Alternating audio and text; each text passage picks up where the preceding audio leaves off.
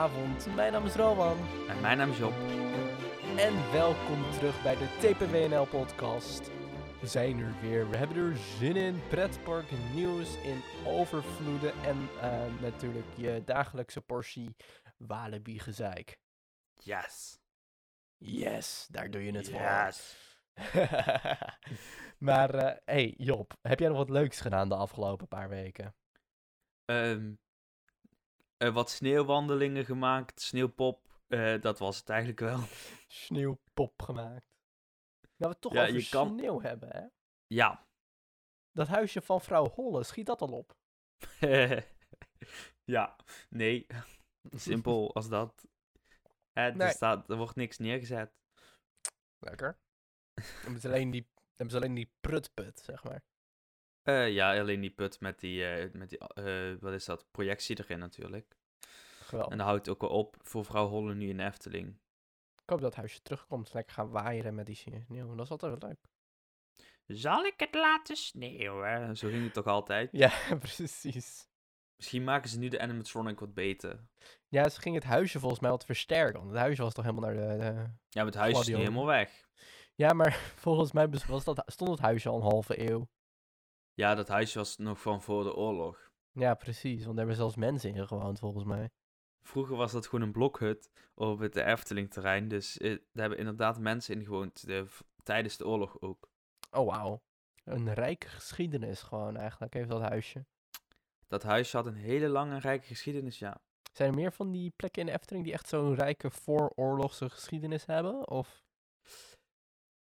Dat weet ik niet echt. Ik weet wel dat het theehuis, wat nu het Witte Paard is, eh, er al voor eigenlijk het echte Eftelingpark er was al stond. Als een soort eh, theehuis van de, de sportvelden en zo die daaromheen lagen.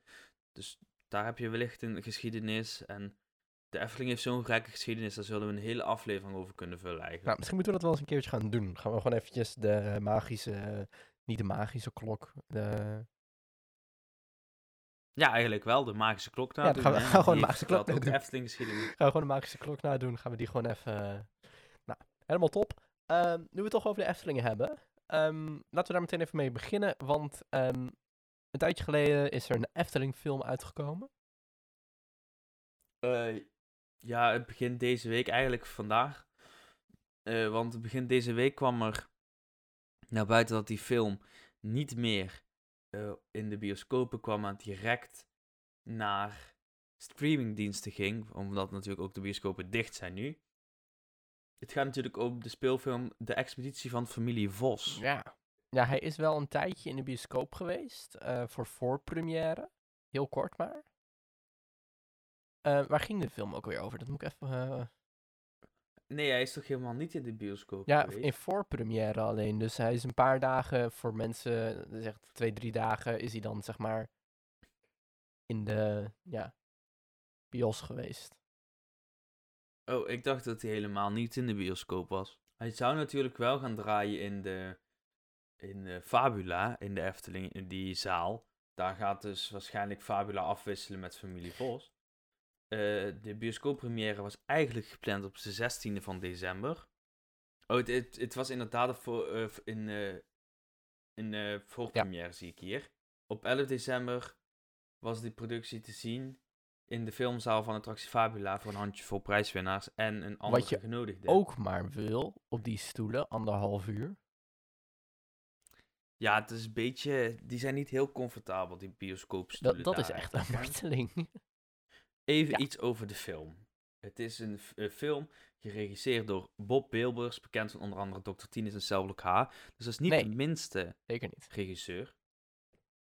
Het ehm, scenario is geschreven door Nienke en Job eh, Reumer. Mooie naam. Eh, de opnames vonden plaats in januari en februari begin eh, 2020. Nog voor het uitbreken van die coronacrisis. Eh, er staan trailers online op YouTube, dus als je een keer daar iets wilt eh, van zien, dan eh, zoek maar even op. Het is niet heel lastig op te zoeken. Misschien moeten wij gewoon een keertje een review doen van deze film. Ja, dan moeten we hem, hem op een online platform kopen of huren. Want dat is het, het enige nadeel. Hij is niet gratis op op een van de streamingsdiensten. Hij kost namelijk bij bijvoorbeeld bij Pathé Thuis kost hij 3,99. Eh, dan kan je 48 uur de film zien. Ziggo On Demand kost die 6 euro. Eh, ik weet niet hoe lang die daar zichtbaar is. En via video on demand diensten van KPN, Tele2 en T-Mobile zijn de kijkers ook uh, 5 euro kwijt. Prime Video, Apple TV, Plus, iTunes en MeJane.com rekenen hetzelfde bedrag. En uh, wie de expeditie volgens onbeperkt wil kijken, moet je 9,99 euro aftikken online. En dan uh, heb je dus een Ja, online versie van de film. Interessant. Nou, ik, ja, ik ben heel benieuwd. Ik wil hem eigenlijk wel kijken. Ik ben heel benieuwd wat ze ervan gebakken hebben. Precies, er sta- staan ook niet de minste namen in, in de film die meespelen. Je hebt namelijk Levi Otto, Raymond de, de Kuiper, Anne Drijver, die kennen we van eh, bijvoorbeeld Undercover op Netflix. Eh Fokkeline Ouwekerk, eh Randy Fokke en Frederik Brom. Muziek komt af van Guido Heneman en de producent van de film is Lucio Messercola. Wat een hele leuke achternaam is. Je zou maar cola met de achternaam weten. Je zou maar cola met de achternaam heten. Mensen zouden de hele tijd vroegste muntjes in willen dopen. Precies. De, film, eh, de hele film duurt 72 minuten, dus dat is iets over een uur. En eh, natuurlijk, de, de hoofdtaal van de film is Nederlands. Zullen er ook Brabants in voorbij komen? Eh, het zou mij niet verbazen. maar ik denk dat ze het Brabants toch wel geminimaliseerd hebben in de film. ja, precies. Nou, ik, de- ik denk gewoon dat wij gewoon voor de volgende aflevering misschien even die film moeten gaan kijken en dat we dan een kleine review erop gaan geven. Ja, het is, het is wel echt een familiefilm. Ehm, maar ik denk dat het wel moet lukken, inderdaad. We Ja. hebben toch, althans, eh, ik heb natuurlijk volgende week eh, vakantieweek. Dat heeft Rowan niet, want Rowan die woont in het noorden en daar zijn ze niet gezellig. ik doe natuurlijk op carnaval. Eh, want dat is natuurlijk volgende week carnavalsvakantie. Ja, we weten allemaal nog, volgens mij was dat vorig jaar of het jaar daarvoor, dat de Efteling een van een, toch wel een redelijk goed carnavalsnummer uitbracht met een nummer van Oje.wel. het is ongehoord. Wat hier gebeurt. Wat hier gebeurt. Het Ja, we gaan niet ja, zingen. nee. Gewoon, we gaan niet zingen, want dan raken we luisteraars Ja, dat hebben we al veel te vaak gedaan hier. En Dat is nooit goed afgelopen, zeg maar. Precies. Maar in ieder geval, ja. Dus als je in de carnavalsvakantie niks te doen hebt, dan zou ik even zeggen, en je bent Efteling-fan, misschien is het toch wel de moeite waard om deze film te kijken. Ja, laat we ook even weten wat je ervan vindt. Want dan zijn we ook benieuwd naar. Ik ben alleen bang dat het voelt alsof ik de hele tijd naar een eh, uitgerekte Albert Heijn reclame zit te kijken. Omdat eh, die actrice daar natuurlijk in speelt. Zou het? Ja, je weet Je maar nooit. maar nooit. Misschien, is ze wel, misschien is ze daar wel in de Efteling vanwege die aha-punten. ja, die, heeft, die had nog nog kaartjes, kaartjes liggen.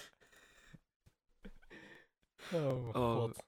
Nou, die, die had ze niet liggen. Die heeft ze gewoon zelf meegenomen bij de kassa natuurlijk. Weet je. Ja, precies. Die, die zag die liggen en dacht, joh, die neem ik zo mee. Nou, goed. De expeditie van familie Vos is dus vanaf nu te bekijken op alle, of de meeste Nederlandse streamingdiensten. Eh, door naar het volgende nieuws. En dat was een, een, een artikeltje wat afgelopen week ook online kwam eh, over de dierentuinen in België dat die weer open ging. En daar waren de pretparken een beetje boos over. Zo Ja. boos namelijk dat ze juridische stappen overweegden richting de Vlaamse en Belgische overheid. Ja, De terechte vraag van, eh, van de pretpark was: eh, waarom mogen de dierenparken en musea wel open? Goeie vraag. Ja, want zijn dierenparken en musea nou een kleinere brandhaard dan ehm, pretparken? Ehm, we gaan daarvoor even naar ehm, de Belgische minister van Sociale Zaken en Volksgezondheid. Ja, Eh, ik, ehm, Frank van den Broeke is dat. Eh, hij, eh, ik quote hem even eh, wat, hij, wat Loopings had overgenomen van hem. Wat is, een, wat is een pretpark? Vraagt de politicus zich af. Dit is dicht op elkaar geplakt, roepen, schreeuwen, gillen. Dat is iets wat het virus toch nog liever heeft dan mensen die rustig in de open lucht in een dierentuin rondwandelen. Dat onderscheid speelt. Ja Ehm, ik ben het gelijk. niet helemaal mee eens. Nee? Nee, Vertel. want als je ziet hoeveel maatregelen een attractiepark neemt om te voorkomen dat mensen dicht op elkaar staan. En in achtbanen. eh, in België was het verplicht om mondkapjes op te doen in de achtbanen. Ja, ik zie daar niet het verschil in met als, eh, zoals ik in Nederland op de trein wel eens zie, dat die trein bomvol zit en dat iedereen hutje-mutje met mondkapjes zit. Dat is, eh, zie ik geen verschil in.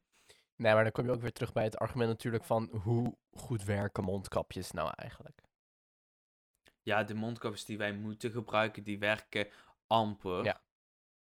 Je moet al een medisch mondkapje op hebben, wil je dat het eh, goed werkt. Maar dat, dat is natuurlijk terecht alleen voor de mensen in de zorg.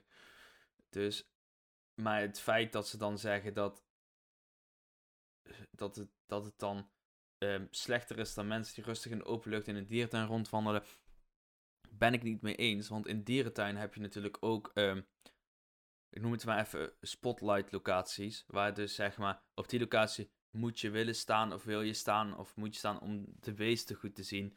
En als ze dan, weet ik veel, je shows zouden ze niet mogen doen, Nee. denk ik. Voedertijd lijkt me ook lastig. Maar dat moet wel gebeuren. En dan zorg je natuurlijk ook dat mensen naar die locatie getrokken worden. Dus daar kan, je, je, je kan er toch aardig over kijken. Want er kunnen toch echt wel redelijk veel mensen bij elkaar komen. Wat ik wel leuk vind, is dat de minister zelf zegt van... eh, ik ken Plopsaland heel goed, want ik heb zelf ook een abonnement gehad. Ik ben er heel veel geweest met mijn kleinkinderen. Dat is buitengewoon leuk. Ik vind het fantastisch. Ik heb ermee te doen. Maar ook voor die mensen is het belangrijk dat we niet binnen een paar weken weer in een lockdown zitten. Ja, maar in dat geval zou ik toch die hele entertainmentkamp over één kam scheuren en gewoon zeggen, ja, niet zeggen van de helft mag wel open en de helft niet, maar gewoon zeggen van, gewoon alles dicht laten totdat het echt ook allemaal open kan. Want anders krijg je dus inderdaad dat dit soort reacties ontstaan. Ja. Ehm, even inhoudelijk gezegd, in België zegt eh, Van der Broeke ook nog dat je moet, eh, je moet het over versoepelingen, zegt hij dit eh, overigens, over versoepelingen van hun lockdown daar. Je moet dat in hele kleine stappen doen. Eh, je neemt een bepaalde kleine groep en je wacht nog even met de rest. Dit is in het belang van iedereen, want we zouden toch niet willen dat we, dat we een te grote versoepeling doen en drie weken later weer lockdown en alles dicht. Eh, maar nu voelt het zeg maar alsof de dierentuinen als test worden gebruikt om later de pretpark weer open te kunnen doen. Terwijl in elk land eigenlijk en nog wel het coronavirus vrij onstabiel is. Eh, in sommige landen wordt een derde eh, golf voorspeld, in sommige landen niet. Denken ze dat de vaccinaties op tijd allemaal af zijn. Dus het is heel onstabiel. En om dan, dan dit dan weer te doen, ja, dan. Ja, maar ik denk ook dat je juist ondertussen nu wel een klein beetje moet gaan testen. Omdat het gewoon anders echt veel te veel tegen gaat zitten voor die bedrijven als alles weer open gaat. Dat je een klein beetje moet gaan testen met ja, kijk, van, dat klopt. wat zijn de limieten tot waar we op dit moment kunnen gaan. Dat, dat klopt zeker. Maar het feit is dat voor de hoeveelheid mensen die naar een pretpark gaan, als ze diezelfde mensen, dat zijn ook mensen die dan nu voor een dagje dierentuin kiezen. En in een pretpark houden ze zich niet aan de regels. Dat gaat in een dierentuin ook niet gebeuren. Met die anderhalve meter, en volgens mij is dat België zelfs twee meter, dacht ik. eh, afstand. Het is zeg maar, het werkt nog niet. Ik, eh, ik, hoe graag ik ook weer naar een pretpark zou gaan of naar e- eventueel zelfs een dierentuin. Ik zou het, als ze nu open gaan, zou ik zelf persoonlijk ook nog niet gaan. Want ik denk dat het nog te vroeg is om die, om die zaken open te Ja, gooien. precies. Nee, daar ben ik het ook wel mee eens van... Ik zou het op het moment zelf ook een beetje links laten liggen. Ook al zou ik heel erg geneigd zijn om weer naar het theater toe te gaan. Ik zou toch Ja, een klein beetje neigen naar van... Is het handig op het moment? Ook al begint het ondertussen weer een klein beetje in te dammen. Maar nog niet goed genoeg. Ja, en ik, ik ben het ook wel eens met de pretparken die dan zeggen, ja, de, de ene keer worden wij over één kamp geschoren met de dierentuinen, zijn we één groep en nu, nu eh, worden wij gesplitst omdat wij te gevaarlijk zouden zijn, terwijl wij onze zaken gewoon op orde hebben eh, om die maatregelen. Zeg maar, het probleem is ook niet de pretparken zelf, het zijn de bezoekers die komen, in uh, hoeveelheden die niet gewend zijn in een, hoe ze zich gedragen in het pretpark. Dat hebben wij wel in gezien in de zomer vorig jaar in de Efteling. Dat het voor heel veel mensen toch lastig is om zich aan regels te houden. Wat mij echt choqueert. Want ik persoonlijk, ik, eh, ik zeg niet dat ik me elk moment van het jaar aan die regels heb gehouden. Maar ik heb het zoveel mogelijk geprobeerd. En zeker als ik in een attractiepark ben. Want dan is het niet voor jezelf. Dan is het ook voor alle, alle honderden mensen om jou heen die daar zijn. Dat hebben we ook geprobeerd tijdens dus die opnames die we daar toen in de Efteling gemaakt hebben. Om eigenlijk ook gewoon zoveel mogelijk aan die regels te houden. Ook omdat wij natuurlijk voor jullie in die video natuurlijk het goede voorbeeld moeten geven. Maar ook gewoon omdat het het beste is om te doen als we alles weer zo snel mogelijk terug naar normaal willen. En volgens mij stonden wij op een moment ook echt op een punt om gewoon andere mensen te gaan corrigeren. Ja, het was echt verschrikkelijk. Het is niet. Ik wil geen zeikerig persoon zijn daar op dat moment. Want die andere mensen hebben ook een leuke dag. Maar we hebben vaak genoeg gehad dat er gewoon een hele familie in onze nek stond te hijgen. En toen nog tijd was nog de regel dat je met één andere persoon binnen anderhalve meter mocht staan. In Nederland. Maar dan heb je, dat betekent dus niet dat je een hele familie in je nek wilt heb, uh, hebben zitten hijgen, weet je wel. En het feit ook dat uh, ik ook genoeg heb meegemaakt dat mensen wel gecorrigeerd op werden, ook in Toverland. En dat ze er dan op ingingen dat die maatregelen er waren. Dan denk ik bij mezelf, dan besef je gewoon nog niet hoe ernstig de zaak was. En er zijn nog mensen die dat uh, nog steeds niet beseffen. Ik heb ook uit de recent uh, is er hier een jongen in het dorp. Ik ga geen namen noemen, want die jongen, die naam is toch over het hele internet verspreid. Die, um, die had meegedaan aan de rellen in Eindhoven. En die gozer is daarvoor ook met de politie in aanraking geweest. En vandaag kwam ik hem tegen in de supermarkt en daar weigerde hij een mondkapje te dragen. Stond hij daar herrie te schoppen. En dan denk ik bij mezelf, heb ik dan nog niet genoeg geleerd? Besef je niet hoe erg dit is? Maar ik denk dat we genoeg over het coronavirus hebben gesproken, want dat is echt een groot onderwerp van het afgelopen jaar geweest. En ik denk dat we ook allemaal er wel een beetje mee klaar zijn. Uh, dus lekker terug naar de naar het volgende onderwerp. Precies. Uh, nog een park waar we vroeger heel veel over gezeurd hebben. Niet nog een park, gewoon een, een, park waar we vroeger heel veel over gezeurd hebben. Tegenwoordig eigenlijk niet zoveel meer over te zeuren hebben, omdat we op een redelijk goede weg zijn. Ja, ze zijn de goede richting op het gaan. Een stijgende lijn noemt men dat. Een stijgende lijn. Um, dus uh, hopelijk blijven jullie luisteren, Disney. Als jullie luisteren en denken van, hebben jullie nog meer goede ideeën? Bericht ons. Nee, maar die verstaan ons helemaal niet, want die spreken daar alleen maar Frans. Oh ja. Parlez-vous uh, Hollandisch? Uh... Maar het, het gaat dus over Disneyland Prijs. Ja. Want ze hebben weer wat uh, informatie of een fotootje naar buiten gebracht en een filmpje van de nieuwe Cars-attractie die oorspronkelijk Cars Route 66 Road Trip zou gaan heten. Maar ik zeg oorspronkelijk, want die naam hebben ze ondertussen, voordat de attractie open is, alweer veranderd. Disney is Disney, hè? ja, um, de, de, de, reden van de verandering is vrij logisch. Ze hebben Route 66 eruit gehaald vanwege een rechte kwestie. Ah, dus oh, waarschijnlijk kost het heel veel geld om die naam echt te mogen gebruiken. Hoe zou dat dan?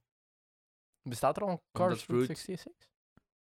Route 66 is een echte, oprechte snelweg volgens mij. Als ik mij niet vergeet. Ja, maar als je hem onder Cars Route 66... Ja, maar het feit gewoon, de naam Route 66, dan, dat mag volgens mij... Ik, ik zou niet weten waarom eigenlijk niet... Route 66... Ah, ik zie het al. ik zie het ook. het begrip Route 66 is in de Verenigde Staten dus een onderdeel van een publiek domein maar in Europa is de term wel degelijk geregistreerd als handelsmerk. Ja, onder dus in, of ander. Dus in Amerika, in Californië, mochten ze het gebruiken voor een Carsland. In uh, Europa mag het dus niet. Nee, Vandaar dat Disneyland hem niet mag gebruiken. Het is een of ander, wat is het, een restaurant in Duitsland? Is dat echt Een zo? autodealer in Keulen, Duitsland. Ja, maar ik denk niet dat... Ik denk dat Route 66 echt als Amerikaans handelsmerk hier is ingeschreven. Ja, want ik denk, Kijk, er zijn ook nog steeds. Er zijn ook verschillende uh, hotels, automerken. Of automerken, autogarages. Restaurants die gewoon namen kopiëren van bekende dingen. Om zo een beetje zelfbekendheid te maken. Ik ken genoeg dingen. Uh, genoeg restaurants die de naam Parijs hier in Limburg in de naam hebben zitten. Ja. Niemand weet waarom, maar toch is het zo. Ja, precies. Nee, oké. Even kijken. Het gaat dus om een eh, eh, reconstructie, of reconstructie, een eh, verbouwing, om, ombouwing, laat ik het zo even noemen, van de Studio Tram Tour, geopend in 2002. Het was een hele leuke attractie. Ik weet niet of jij die ooit hebt gedaan, gewoon Ja, natuurlijk heb ik die gedaan. En eigenlijk hoop ik wel dat ze sowieso van de foto die we hier zien, ik hoop dat ze die scène eigenlijk zo authentiek mogelijk houden. Ja, ik heb zo'n idee dat ze dat wel doen. Namelijk, ze beschrijven het hoogtepunt blijft bestaan. Ehm, dat is de bestaande scène Catastrophe Canyon. Ja. Even spoiler alert. Ik denk dat iedereen het wel ooit gezien heeft. Dan vliegt een, brand, eh, dan vliegt een eh, vrachtwagen in de fik. En eh, vervolgens komt er een gigantische waterval. en die komt recht op jouw karretje af. Ja. Die, die oude tankwagen die daar stond, die hebben ze nu omgeschilderd naar een eh Dynico Cars eh, vrachtwagen. Dynico is natuurlijk het, het bekende racemerk en het bekende oliemelk. eh melk. Oliemelk. Dynico is natuurlijk... Dynico is natuurlijk het bekende race- en eh oliemerk uit de Cars-series en uit verschillende andere Disney-series, Pixar-series. Dus vandaar dat ze daarvoor hebben gekozen. En de rest van de attractie wordt een beetje Cars-achtig aangekleed. Ik eh, zie bijvoorbeeld een, eh, een, kar- een eh, karakter van de, de Nederlandse takel. Ta- takel. Dus zeg maar in Nederland is dat takel. Ik weet even niet de Engelse benaming. Ik weet het ook even niet. Wat is zijn naam? Maar goed. ehm, maar ja, ze mogen dus Route 66 niet gebruiken. Route 66 is oorspronkelijk een au- autosnelweg tussen Chicago en Santa Monica bij Los Angeles. Ja. Eh, hij bestaat officieel al niet meer sinds 1985. Maar delen van deze weg zijn nog steeds te bereiden. Ja, precies. Het is een soort toeristische attractie nu geworden. Het verhaal van ehm Cars speelt zich ook af in het fictieve stadje Radiator Springs, gelegen langs die route 66. En als je het verhaal van Cars 1 kent, daar wordt een nieuwe snelweg aangelegd. Waardoor niemand meer door het stadje komt. Nou, zo is dat in het echt in Amerika ook gegaan. Namelijk toen met de sluiting van 1985. Daar zaten natuurlijk allemaal stadjes eh, en eh, winkeltjes langs die weg. En daar werd gewoon een nieuwe snelweg naast gelegd. En eh, dat is een beetje een zielig verhaal natuurlijk. Die wordt natuurlijk een beetje zieliger gemaakt in Cars. Want de auto's hebben opeens gevoelens. maar in het echt hadden natuurlijk daar mensen mee te maken. Ja, precies. Nou, ik vind het helemaal, eh, ik vind het helemaal top. Disney, goede kant op. Leer je medewerkers nog even Engels en dan eh, zijn we op de goede weg. That would be very Yes. nice. Dat verstaan ze toch niet. Oké, eh, volgende park. ik, heb, eh, ik, ik heb altijd één, één regel geleerd in Disney. Je moet bonjour zeggen en zwaaien. Bonjour. Ah, dat is een leuk verhaal. Waar ze ook naar Dat kunnen is ook een leuk zwaaien. verhaal. Dat heb ik nooit verteld, volgens mij. Nou, dat heb ik nooit, volgens mij heb ik dat aan jou wel ooit verteld, maar nooit in een podcast. Toen was ik in Disneyland. En eh, was in de studio's en ik ging zo'n filmklapper kopen. Weet je wel, zo'n filmklapper waar iedereen zegt, actie, klap. En dan is om het geluid en het beeld, zeg maar, sync te krijgen. Ja. Ehm, dus ik ging er zo eentje halen daar. En eh, ik bedacht me, kan, als ik hierop kan schrijven met krijt, zou dat ook heel tof zijn. Dus ik vraag zo aan die medewerker in de Disneyland Park eh, studio shop van... eh, Can I write on this with chalk? Want dat is krijt in het Engels. Can I write on this with chalk? Ja. zei, "Huh, huh, s'il vous plaît, wat met- wat- wat- Can I write on this with chalk? Nou, ik heb er echt 10 minuten gestaan van... Can I write on this? Chalk! Cha- Chalk! En toen ging, ging ik met een accent proberen. Can I write on this with chalk? En toen zei ze, oh yes, yes. Toen probeerde ik het en ik kon het helemaal niet. Dus Ja, dat is het mooie aan het Franse. En vooral aan Disneyland Parijs. Je bent het grootste pretpark van Europa. De meest gesproken taal in Europa is en blijft het Engels. Want de meeste mensen kunnen dat gewoon spreken. En je hebt niemand van je medewerkers of amper medewerkers die Engels spreken. Ik, het verbaast mij nog dagelijks. Maar ja, ja. Het is, eh, ik snap het echt niet. hoe kun je als Disney ook niet verplicht stellen dat je medewerkers Engels spreken? Ik bedoel, ook als Franse jonger, als ik daar ga werken, je hebt verdomme Engels op school gehad. Dan ga je toch niet zo achter. Althans, Eh, ik hoop dat ja, ze Engels op school ding. hebben. Want wat moeten die Fransen anders de Ja, dat dag is wel een ding. Zeg maar, in Frankrijk hebben ze echt pas sinds, volgens mij echt sinds vijf, zes jaar, dat ze echt goed Engels op scholen geven. Nou, ik moet eh, eerlijk even zeggen. eh, mijn broertje zit in België op school. En eh, die kreeg in de eerste twee jaar alleen als talen Nederlands en Frans. En pas in de derde kon hij kiezen voor Ja. Engels. Het was geen verplicht vak, het was een keuzevak. Ja, dat is ook een beetje. eh, Ja, Engels is natuurlijk gewoon een wereldtaal. En in principe is het fijn als iedereen dat spreekt, dan kan iedereen elkaar toch een heel klein beetje verstaan. Ik woon dus in de buurt, redelijk van Maastricht en dus ook Luik. Luik is België, daar hebben ze twee talen, Nederlands en Frans. Denk je dat ze in Luik ook maar één woord Nederlands of ook Engels spreken? Nee, dat is volledig Frans. Gezellig. Het is bijna Het schandalig. is bijna schandalig. Nou, wat ook schandalig is, dat is eigenlijk het volgende onderwerp. Ja, ehm, we, hebben, we hadden voor vorige week een podcast gepland. We hebben er heel gesproken, maar helaas was er iets fout gegaan met de opname. Dus een korte, ehm korte hoe noemen we dat even? Korte terugblik op wat we vorige week eigenlijk vertelden. Namelijk dat ehm Walibi Holland een rechtszaak had eh, voor een kartongeluk dat daar een aantal jaar geleden gebeurd is. Mei 2018 om precies te zijn. Een meisje raakte toen ernstig gewond toen, omdat ze met haar haren vast kwam te zitten in een kart. Ehm, nou, het OM had 60.000 euro boete geëist, waarvan de helft voorwaardelijk, dus 30.000 euro betaald. Volgens de officier van justitie heeft Walibi onvoorzichtig, nalatend gehandeld, eh, door geen goede instructies te geven en Kar stiekem aan te passen. Eh, de rechter had een andere mening. Ja. Gewoon. Ja, ehm, ja, de rechter heeft heel simpel gezegd: ja, eh, ja Walibi is niet schuldig.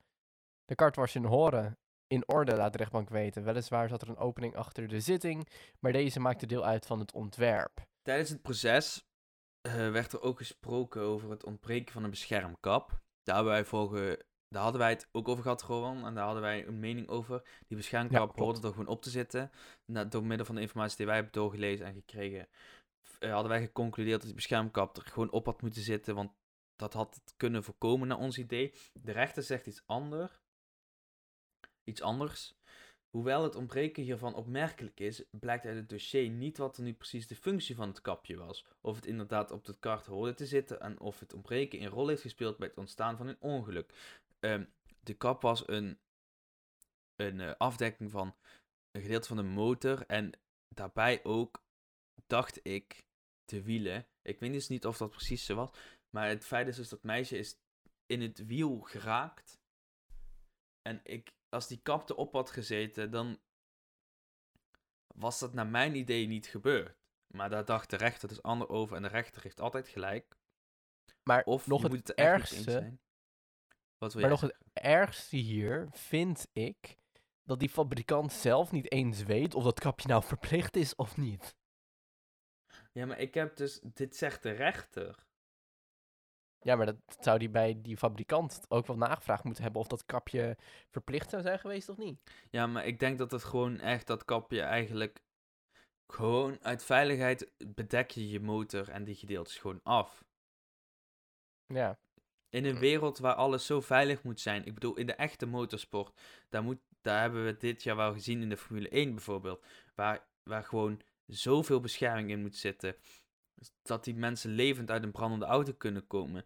En dan zouden ze in het pretpark, waar die mensen, dat zijn onervaren mensen, die doen het voor Zonder de eerste helm. keer. Zonder helm. En dan doe je nog niet eens een kap over je motor en over je kart heen. Ja, dan. En dan gaan zitten zeggen van ja, maar het is niet verplicht. Ja, maar je, je hebt ook logisch verstand, weet je wel. ja, nou. Gebeurd Eh, is gebeurd. Til, Masha van Til, de directrice, die noemde het een paar keer pertinent onjuist. Sorry, pertinent onjuist. Uh, Masje van Til, directrice, noemt het aantal keren pertinent onjuist. Sommige dingen die genoemd worden zijn pertinent onjuist. Ja, dat zei ik net.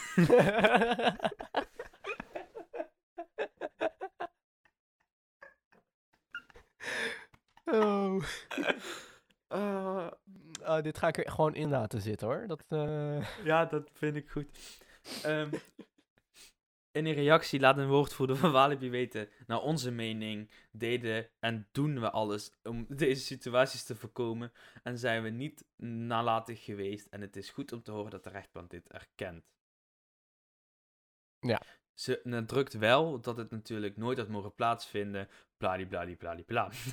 dit had, dit, dat dit toch is gebeurd vinden wij verschrikkelijk. Ondanks de uitspraak hopen wij dat deze zaak voor alle partijen en met name het slachtoffer en haar familie op een goede manier kan afgesloten worden. Ja, en ondanks dat ze helemaal niks uh, fout hebben gedaan volgens de rechter en volgens hunzelf en uh, ook niks hoeven te betalen, geen straf enzovoort enzovoort, gaat de baan toch nooit meer open en gaan ze hem slopen.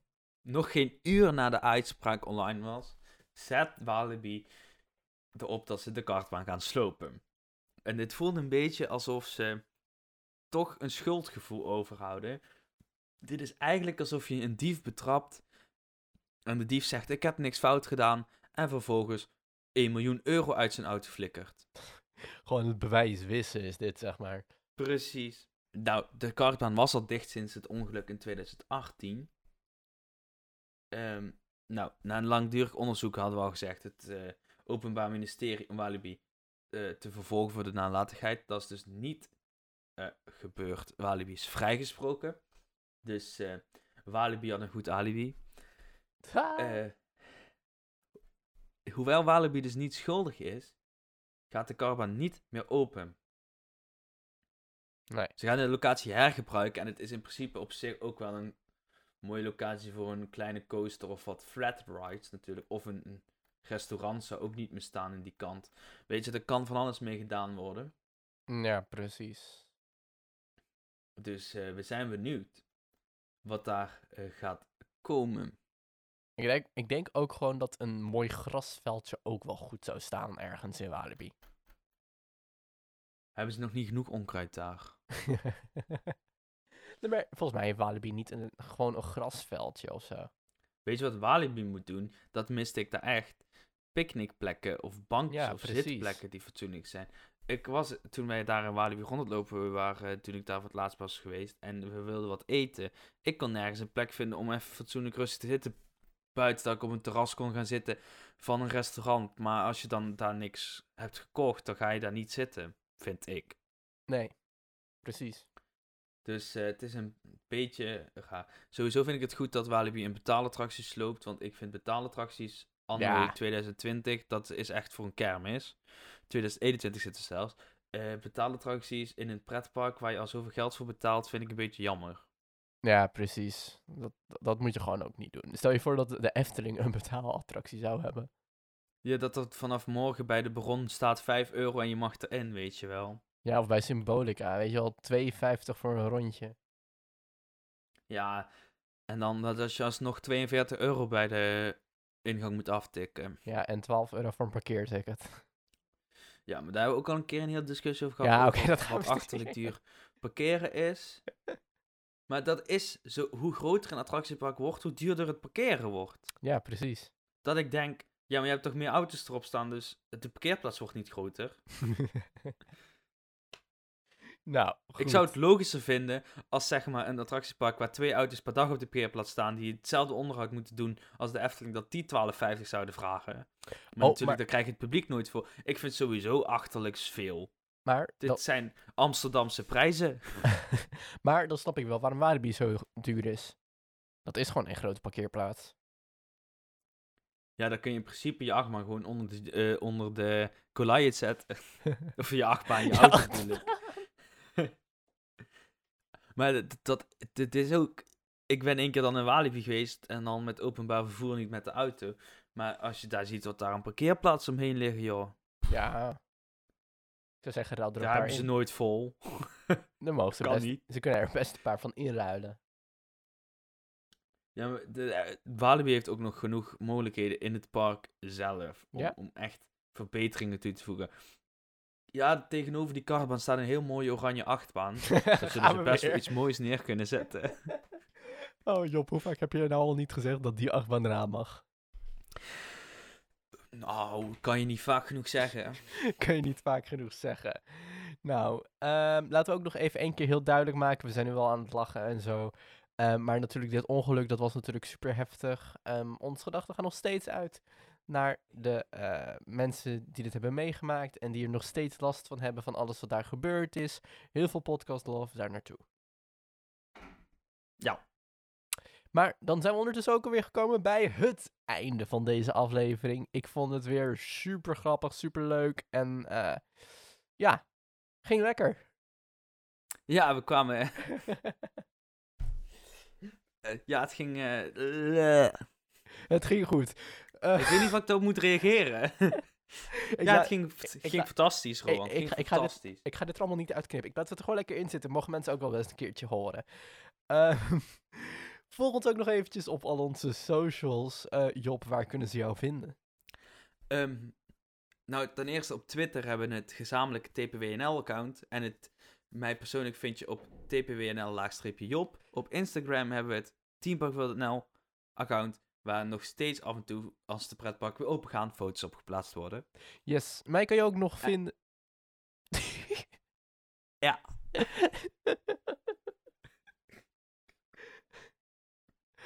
Mij kan je ook nog vinden op Instagram onder @thisroman en hetzelfde geldt voor Twitter. Maar vergeet ons ook niet te abonneren op YouTube. Vergeet ons ook niet te abonneren. Heb je die zin gehoord, Rowan?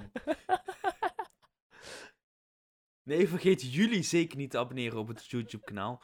Eh, die kun je vinden onder de zoekterm TPWNL of Teampark.nl. En eh, daar komt binnenkort ook een hele nieuwe checklist-video op. Ja, als ik ooit de edit afkrijg. Heel erg bedankt voor het luisteren naar deze podcast en graag tot de volgende keer. Doei doei! Later!